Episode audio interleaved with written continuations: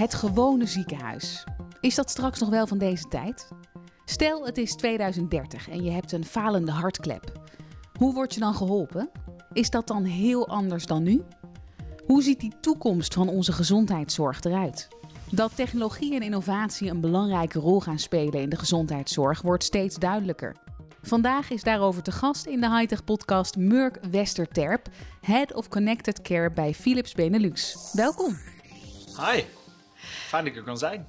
Jij en je team hebben een missie. Vertel. Ja, wij willen graag uh, de zorg ondersteunen uh, met behulp van innovaties. En uh, op die manier patiënten beter, betere zorg kunnen aanbieden en tegelijkertijd het gehele zorgsysteem houdbaar houden. Ook op de, op de lange termijn. Ja, dus dan gaat het ook over die toekomst, hè, van hoe zien ziekenhuizen eruit, hoe gaat de zorg veranderen. Um, als we naar die innovaties gaan kijken, een voorbeeld hiervan is de Health Dot. Laten we daarop inzoomen. Wat is dat? Ja, de Health Dot is een draagbare sensor. En die, die draagbare sensor kun je op patiënten plakken. En uh, daarmee kun je patiënten eigenlijk monitoren alsof ze in het ziekenhuis liggen, maar ook dat ze niet in het ziekenhuis liggen. En um, nou, het voorbeeld wat je net noemde over de falende hartklep. Uh, kijk, als je vertrouwen hebt in de technologie, kun je een zorgproces anders inzetten. En waar wij mee bezig zijn, is die helftdot uh, in de context van het huidige zorgsysteem inzetten, zodat we de zorgprocessen, geborgd natuurlijk met allerlei uh, randvoorwaarden zoals privacy, security, maar ook um, de integratie met allerlei andere software systemen. Um, in die context ervoor kunnen zorgen dat we dus patiënten eerder naar huis zouden kunnen uh, sturen. En toch ze zouden kunnen volgen alsof ze in het ziekenhuis zouden liggen. Nou, en uh, dat is denk ik ook de manier waarop je ervoor kunt zorgen dat het zorgsysteem op de langere termijn houdbaar blijft. He, dus uh, je ziet, de helft is een, uh, is een middel, is technologie. Het is belangrijk dat dat goed werkt. Maar vooral waar wij met het team enthousiast over zijn, is oké, hoe zet je dat nou optimaal in, zodat je die uitkomst die we allemaal zo graag willen, namelijk hè, goedkopere zorg, fijnere zorg voor patiënten, die kunnen sneller naar huis, maar ook efficiënter in termen van de inzet van mensen en middelen, um, zo goed mogelijk borgt. En, en dat eigenlijk, dat is ja, uh, waar, de, waar mijn hart en uh, het hart van ja, de mensen die hier op de high-tech campus werken, sneller van gaat kloppen. Dus dat vinden we heel erg leuk.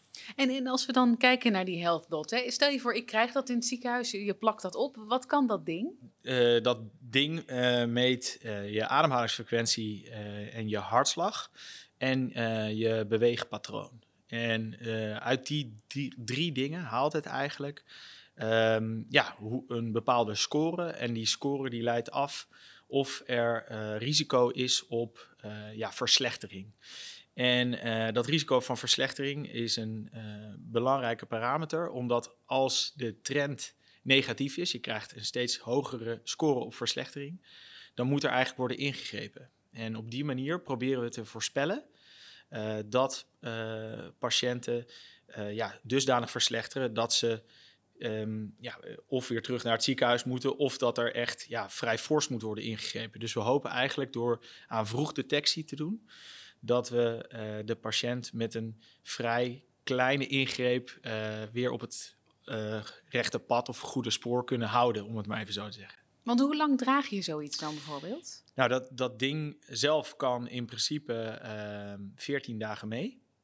De vraag is of dat in alle gevallen nodig is. En daar hebben we ook wel veel discussie over, want als je het hebt over bijvoorbeeld uh, termen als zinnige en zuinige zorg, is het belangrijk dat je echt goed nadenkt over, ja, maar hoeveel, hoe lang wil je dat nou inzetten?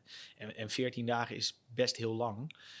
Dus ja, je, zou ook kunnen nadenken over twee of drie dagen. Hè, als je daarmee de, de gebruiker een, end op weg helpt, vangnet biedt, ja, dan is dat misschien ook al heel mooi. En hoef je het helemaal niet 14 dagen te doen.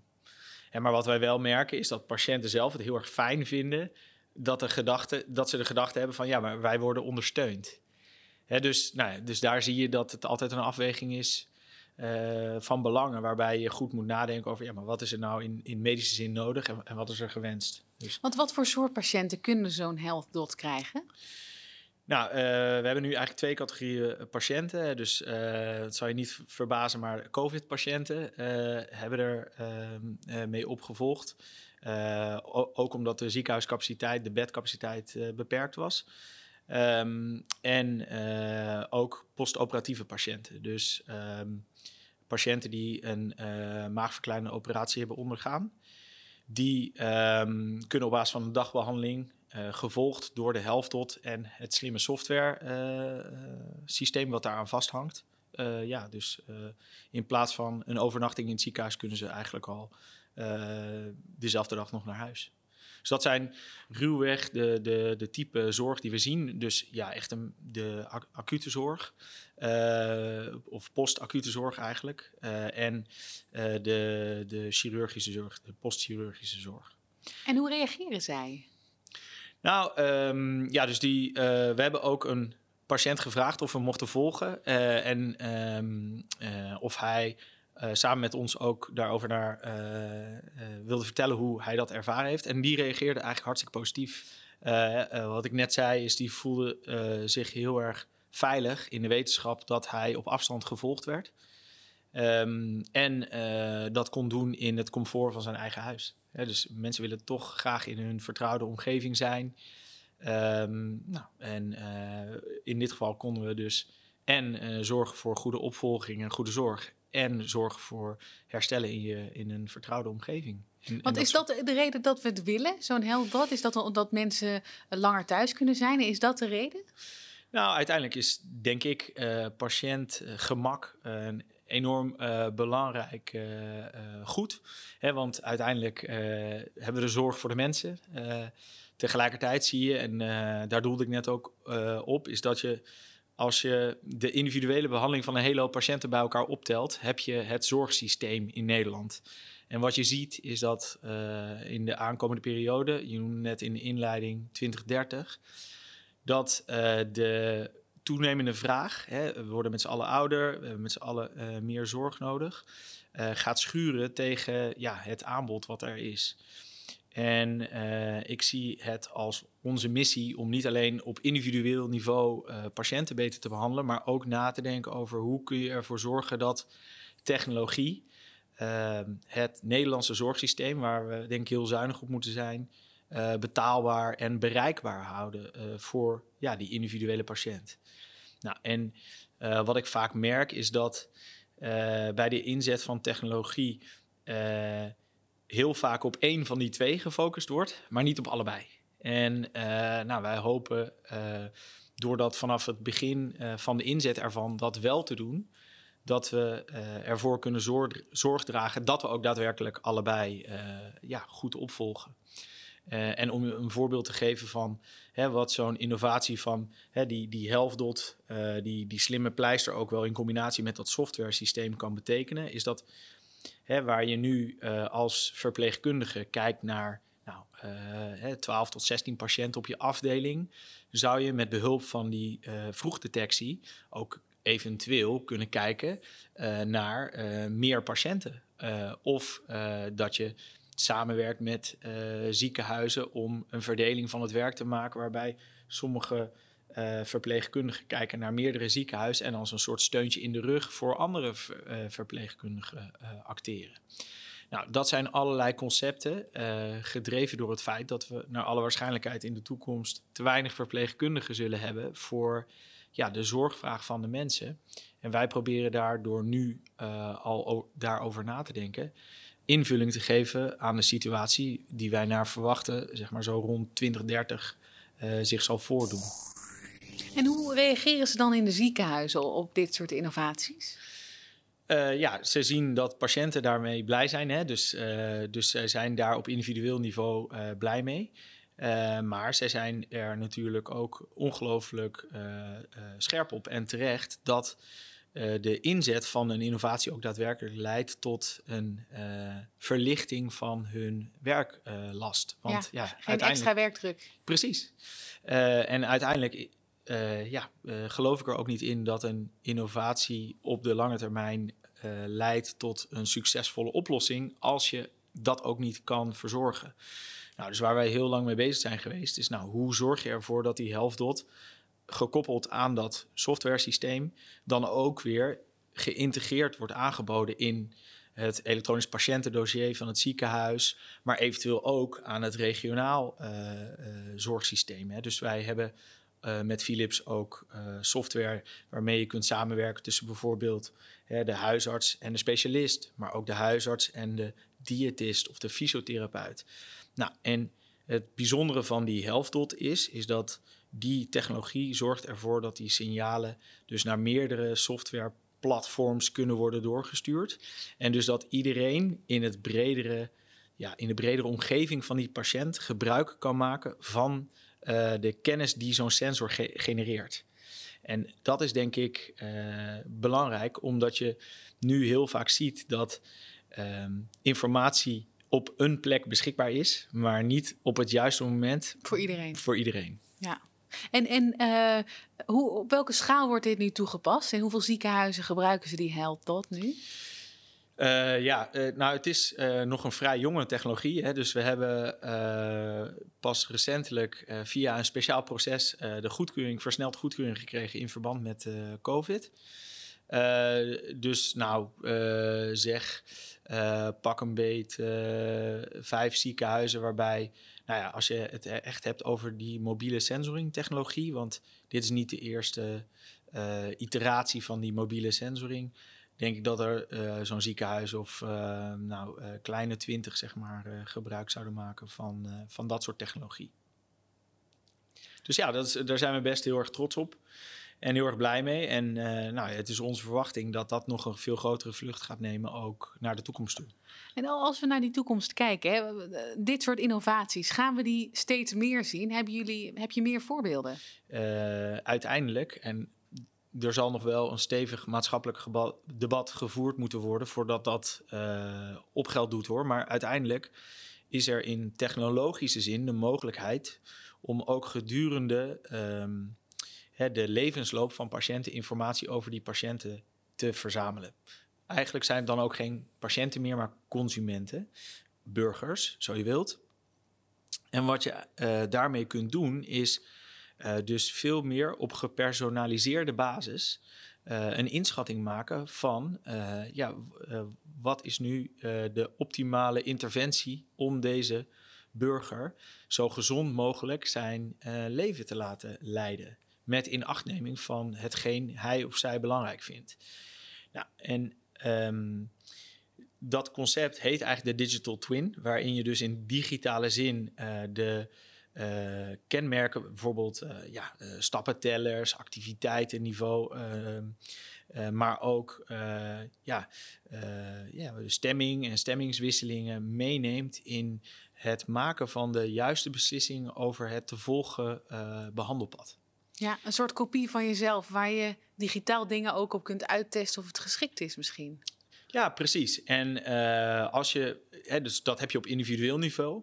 Maar wederom, uh, als je heel veel individuen bij elkaar optelt, hè, kun je uh, ook op basis van ja, de levensloop van andere burgers die datzelfde hebben gedaan, een redelijk goede inschatting maken van ja, als je zeg maar een foto neemt van waar iemand zich nu in zijn levensfase bevindt, hoe de rest van zijn ja, uh, leven eruit zou komen te zien in termen van zijn gezondheid. Uh, hè, nou, dat is natuurlijk een vrij ambitieus doel, maar uiteindelijk zou dat wel kunnen bijdragen aan nou ja, het behalen van de doelstelling in het bereikbaar houden van de zorg.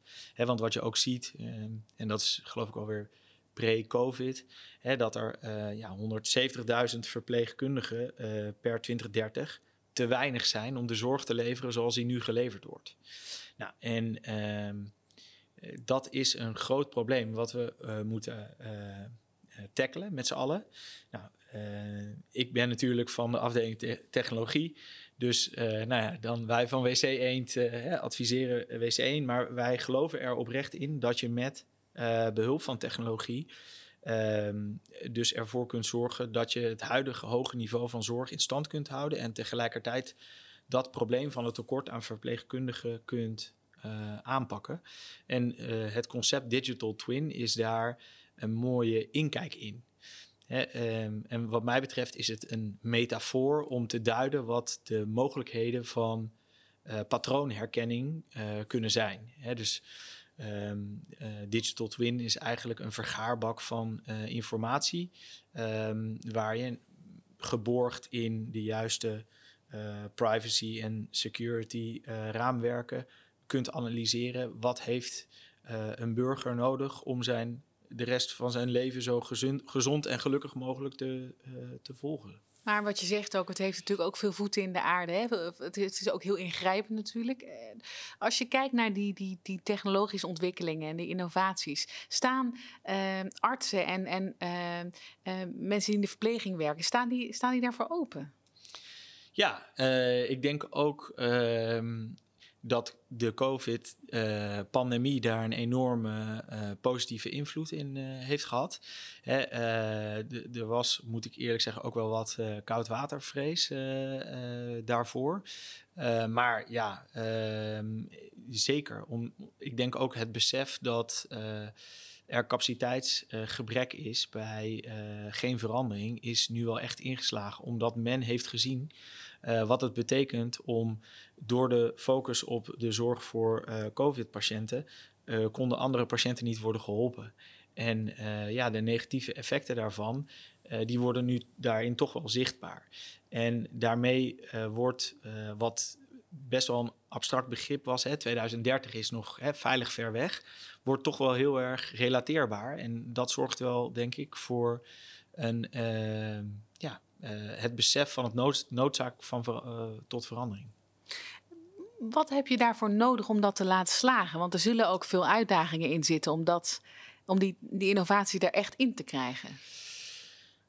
Um, ja, dat is eigenlijk een combinatie van factoren. Dus het is heel lastig om. Uh, er is niet echt een soort van silver bullet van nou, doe dit, dan komt het allemaal goed. Maar wat wij wel zien is dat uh, de zorg. Uh, uh, heeft heel veel initiatieven op kleine schaal.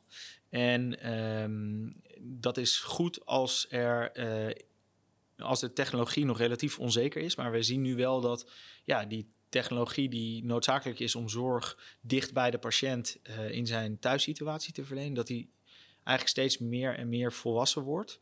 En dat daarmee ook meer moet worden nagedacht over de inzet van innovatie op grotere schaal. En uh, wat wij uh, daarin vaak als beeldspraak gebruiken, is dat als je een pilot doet op een uh, afdeling, dan lever je eigenlijk een puntoplossing.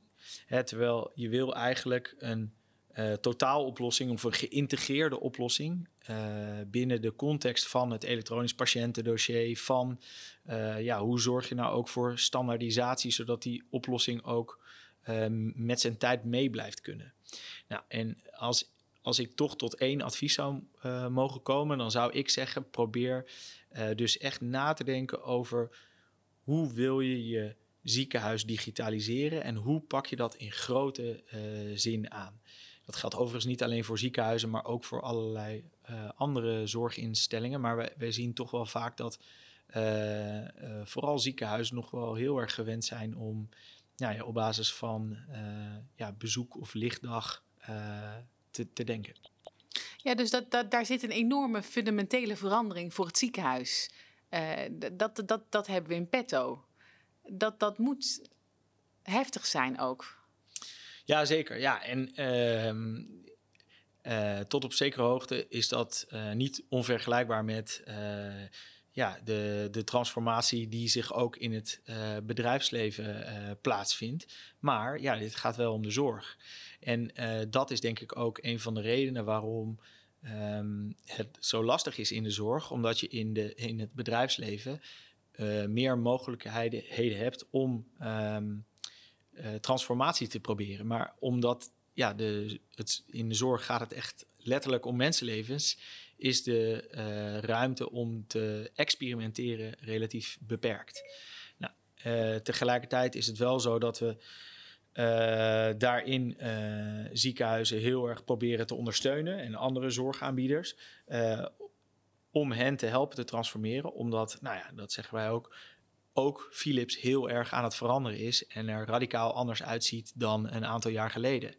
En uh, nee, dat is een proces dat gaat met horten en stoten. Maar uiteindelijk uh, doe je dat met uh, als hoger doel. nou, Philips heeft dan als hoger doel gekozen om zorgverleners te ondersteunen in hun missie. Nou, en zorgverleners hebben, naar mijn smaak, altijd gekozen voor het verbeteren van zorg voor patiënten. Nou, en dus daarin, denk ik, kun je elkaar heel erg vinden. En dus door een appel te doen op dat hoger doel kun je mensen uh, proberen te enthousiasmeren voor die verandering.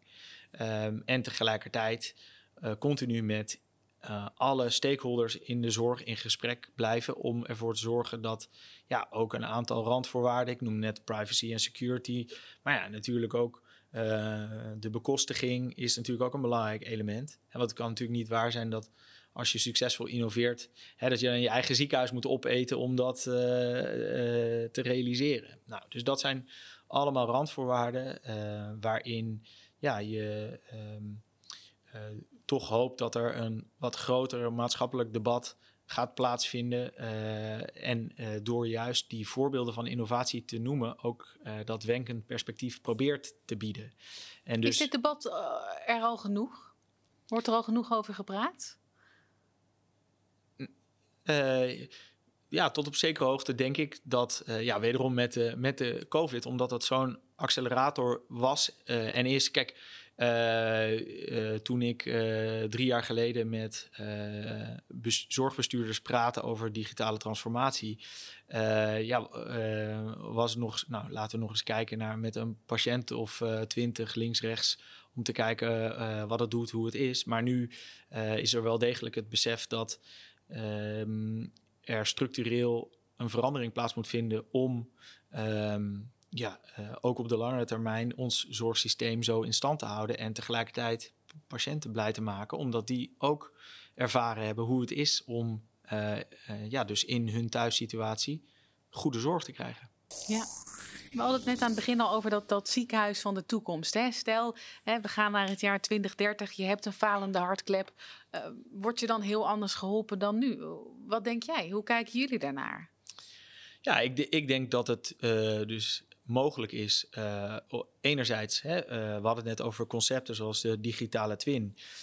Um, er zit natuurlijk een heel proces voor een falende hartklep. En dat is nu in het huidige zorgsysteem een relatief uh, ja, uh, onontgonnen gebied. Nu komt de zorg vaak als je het probleem al hebt. Precies.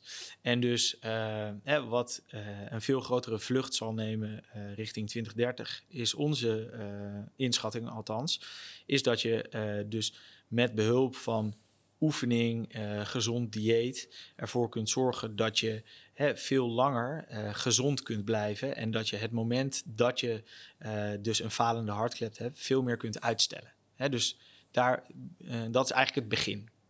Hè, en wat dat betreft ben ik ook echt blij dat het debat rondom preventie ook wel echt heel duidelijk um, nu gevoerd wordt. Hè. Dus dan zijn die coronakilo's nog ergens goed voor, denk dan maar.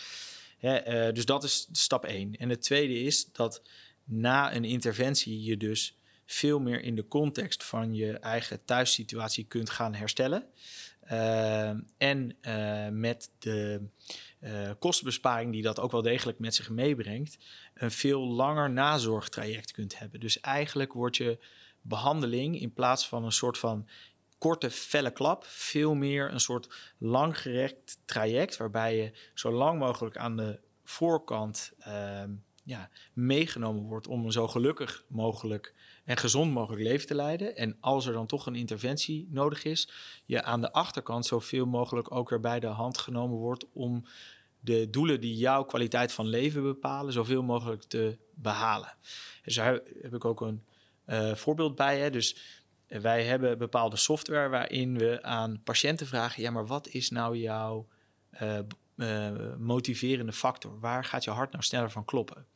En, en vond ik wel een sprekend voorbeeld. Want voor een vrouw was dat bijvoorbeeld: ik wil met mijn hondje een rondje kunnen lopen. Nou, dat vulde zij in in de software. En op basis daarvan had de arts met die mevrouw een gesprek over. Nou, als u met uw hondje wil lopen, dan raad ik u aan om deze en deze stappen te volgen in het hersteltraject. En dat zorgt er weer voor dat uh, de therapietrouw, om het maar even zo te zeggen, van patiënten veel hoger wordt, omdat je samen met hen een doel stelt wat hen motiveert. Nou, en dat is een concreet voorbeeld hoe je zeg maar, dat, dat langgerekte hersteltraject op basis van die persoonlijke uh, ja, doelen uh, veel meer levend kunt maken en op die manier ervoor kunt zorgen dus dat de therapietrouw voor zo'n uh, digitale therapie eigenlijk veel groter wordt. En dit is een voorbeeld wat we, wat we nu al doen. Hè, maar wat je zult zien is dat die, die individuele bouwblokken, om het dan maar even zo te zeggen, van die langgerekte reis, dat die veel uh, beter op elkaar gestapeld kunnen worden dan dat nu het geval is. En dat is hè, dus waar ik net op doelde, in plaats van dat het een puntoplossing is, dat iemand uh, uh, recept meekrijgt en naar huis moet. Ja, en succes ermee. Hè, dus dat er veel beter wordt nagedacht over, ja, maar welke combinatie van ehm, oplossingen is het nou? wanneer fysiek consult, wanneer digitaal? wat moet daar dan de inhoud in zijn? Daar is een veel grotere vlucht ingenomen in 2030 dan ja, vandaag de dag. En, en hoe ziet dan um, het ziekenhuis van de toekomst eruit? En, en de rol van de artsen bijvoorbeeld daarin? Ja, dat is een, hele spannende vraag natuurlijk. Uh, kijk, uh, ik denk dat uh, als je kijkt naar de rol van een ziekenhuis, uh, hè, zie je dat het traditioneel het verzamelpunt was van kennis. Hè, dus dat was de locatie waar heel veel kennis bijeen was en waar je dus naartoe ging om uh, ja, gezien te worden en uh, dat die kennis hè, zich een oordeel vormde over ja, wat is nou voor deze persoon het beste om te doen. En maar wat je ziet eigenlijk met alle informatietechnologie is dat die, die kennis niet meer locatiegebonden is. Nou, um, uh, dus dat is denk ik één. dus dat betekent dat je ehm, veel meer kunt kijken naar, hé, hey, maar als er iemand is die wereldwijd uh, heel veel kennis heeft over een uh, relevant ziektebeeld wat jij toevallig hebt, wordt het veel makkelijker om bijvoorbeeld een arts in Canada uh, te laten kijken naar ja, een patiënt in Nederland. dat was vroeger onmogelijk, maar nu kan dat. Nou, dus dat noemen ze als trend het wereldwijde gezondheidsbrein. Nou, dus dat is denk ik een trend. Hè, uh, dus ik denk uh, dat dat heel, uh, een hele interessante gedachte is. Dat je als arts, hè, dus als jij een bepaald specialisme hebt, dus een veel groter ja, adherentiegebied hebt aan patiënten. en je daarmee dus ja, hele interessante casuïstiek voor je krijgt. Kijk, aan de andere kant is het ook zo dat um, hè, je ziet dat daarmee de, de rol van um, artsen als je niet zo'n specialist bent, wat verandert. Hè, dus uh, je, je wordt daarmee veel meer de, uh, ja, de begeleider van het hele langgerekte therapiepad van patiënten. Dat is denk ik één. Dus dat, dat zal het voor artsen en verpleegkundigen zijn. Als je dan kijkt sec naar het gebouw, het ziekenhuis. Hè, want ik, ik, weet niet of je dat vroeg, maar ik kan me zo voorstellen dat je dat. Hè, is dat je ziet in het ziekenhuis dat je eigenlijk je hebt een hoogtechnologische uh, component, namelijk de operatiekamers, hoogtechnologische diagnostiek, hybride interventiekamers, nou, noem het allemaal maar op. Je hebt intensive care bedden, maar je hebt ook reguliere bedden, wat eigenlijk bijna een hotel is. Nou, als je het dan hebt specifiek over de helftdot, uh, ik noemde het aan het begin van de podcast al even, zie je dat die helft tot uh, de metingen kan doen die je eigenlijk in een regulier ziekenhuisbed ook doet.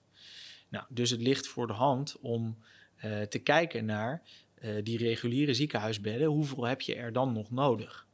Nou, dus je ziet wel ook uh, bij uh, nieuw te bouwen ziekenhuizen dat men echt aan het nadenken is over hoe kan ik het beddenhuis van mijn ziekenhuis kleiner maken.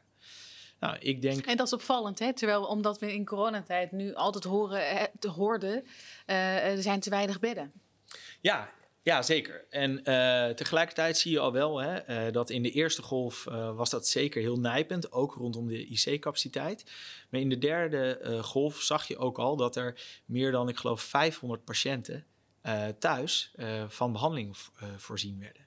En ehm, dus dat je uiteindelijk ziet dat we in 18 maanden hè, meer dan 20% van de patiënten op dat moment die aan corona leed, werden op die manier thuis opgevolgd. Dus eigenlijk is dat misschien ook wel een heel mooi inkijkje in uh, hoe je dus in relatief hele korte tijd daar dus een hele grote verandering in hebt uh, gezien.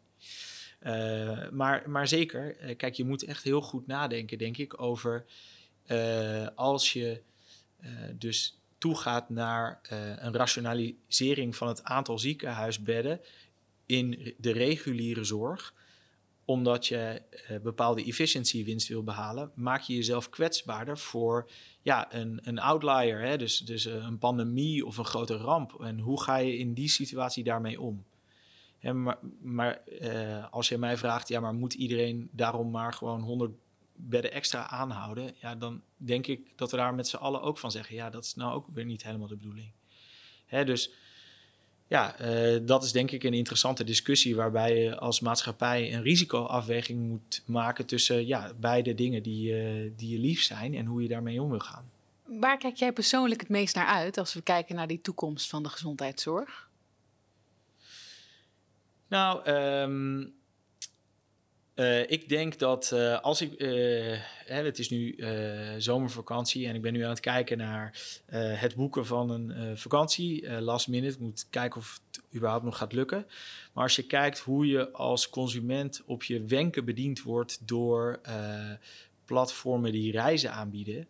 En als je dat dan vervolgens vergelijkt met de manier waarop je je zorg consumeert ja, dan denk ik dat daar een heel groot uh, gat uh, tussen zit. En eigenlijk onacceptabel. Uh, want ja, weinig dingen zijn zo belangrijk als je eigen gezondheid, of het nou mentaal of fysiek is. en ik verbaas me erover dat, nou ja, ik ging met mijn vriendin die zwanger was naar de verloskundige. En we hadden een gesprek van 45 minuten waarbij ze alleen maar aan het uh, vragen aan het inkloppen is.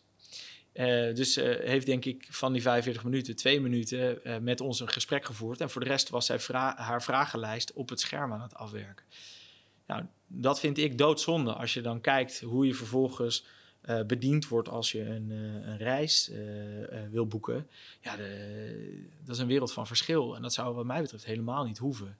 Dus dat stuk van ehm, ja, uh, goed zorgen voor, uh, voor ja, de burger of de eh, consument zijn of haar zorgreis. Ja, dat, dat, daar kijk ik het meest naar uit. Ontzettend bedankt dat je vandaag de gast was. Murk Westerterp, Head of Connected Care bij Philips Benelux. Dankjewel. Graag gedaan.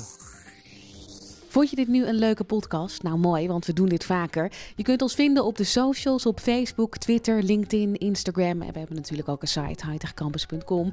Check het voor de laatste seminars, video's en dus podcast. En tot de volgende.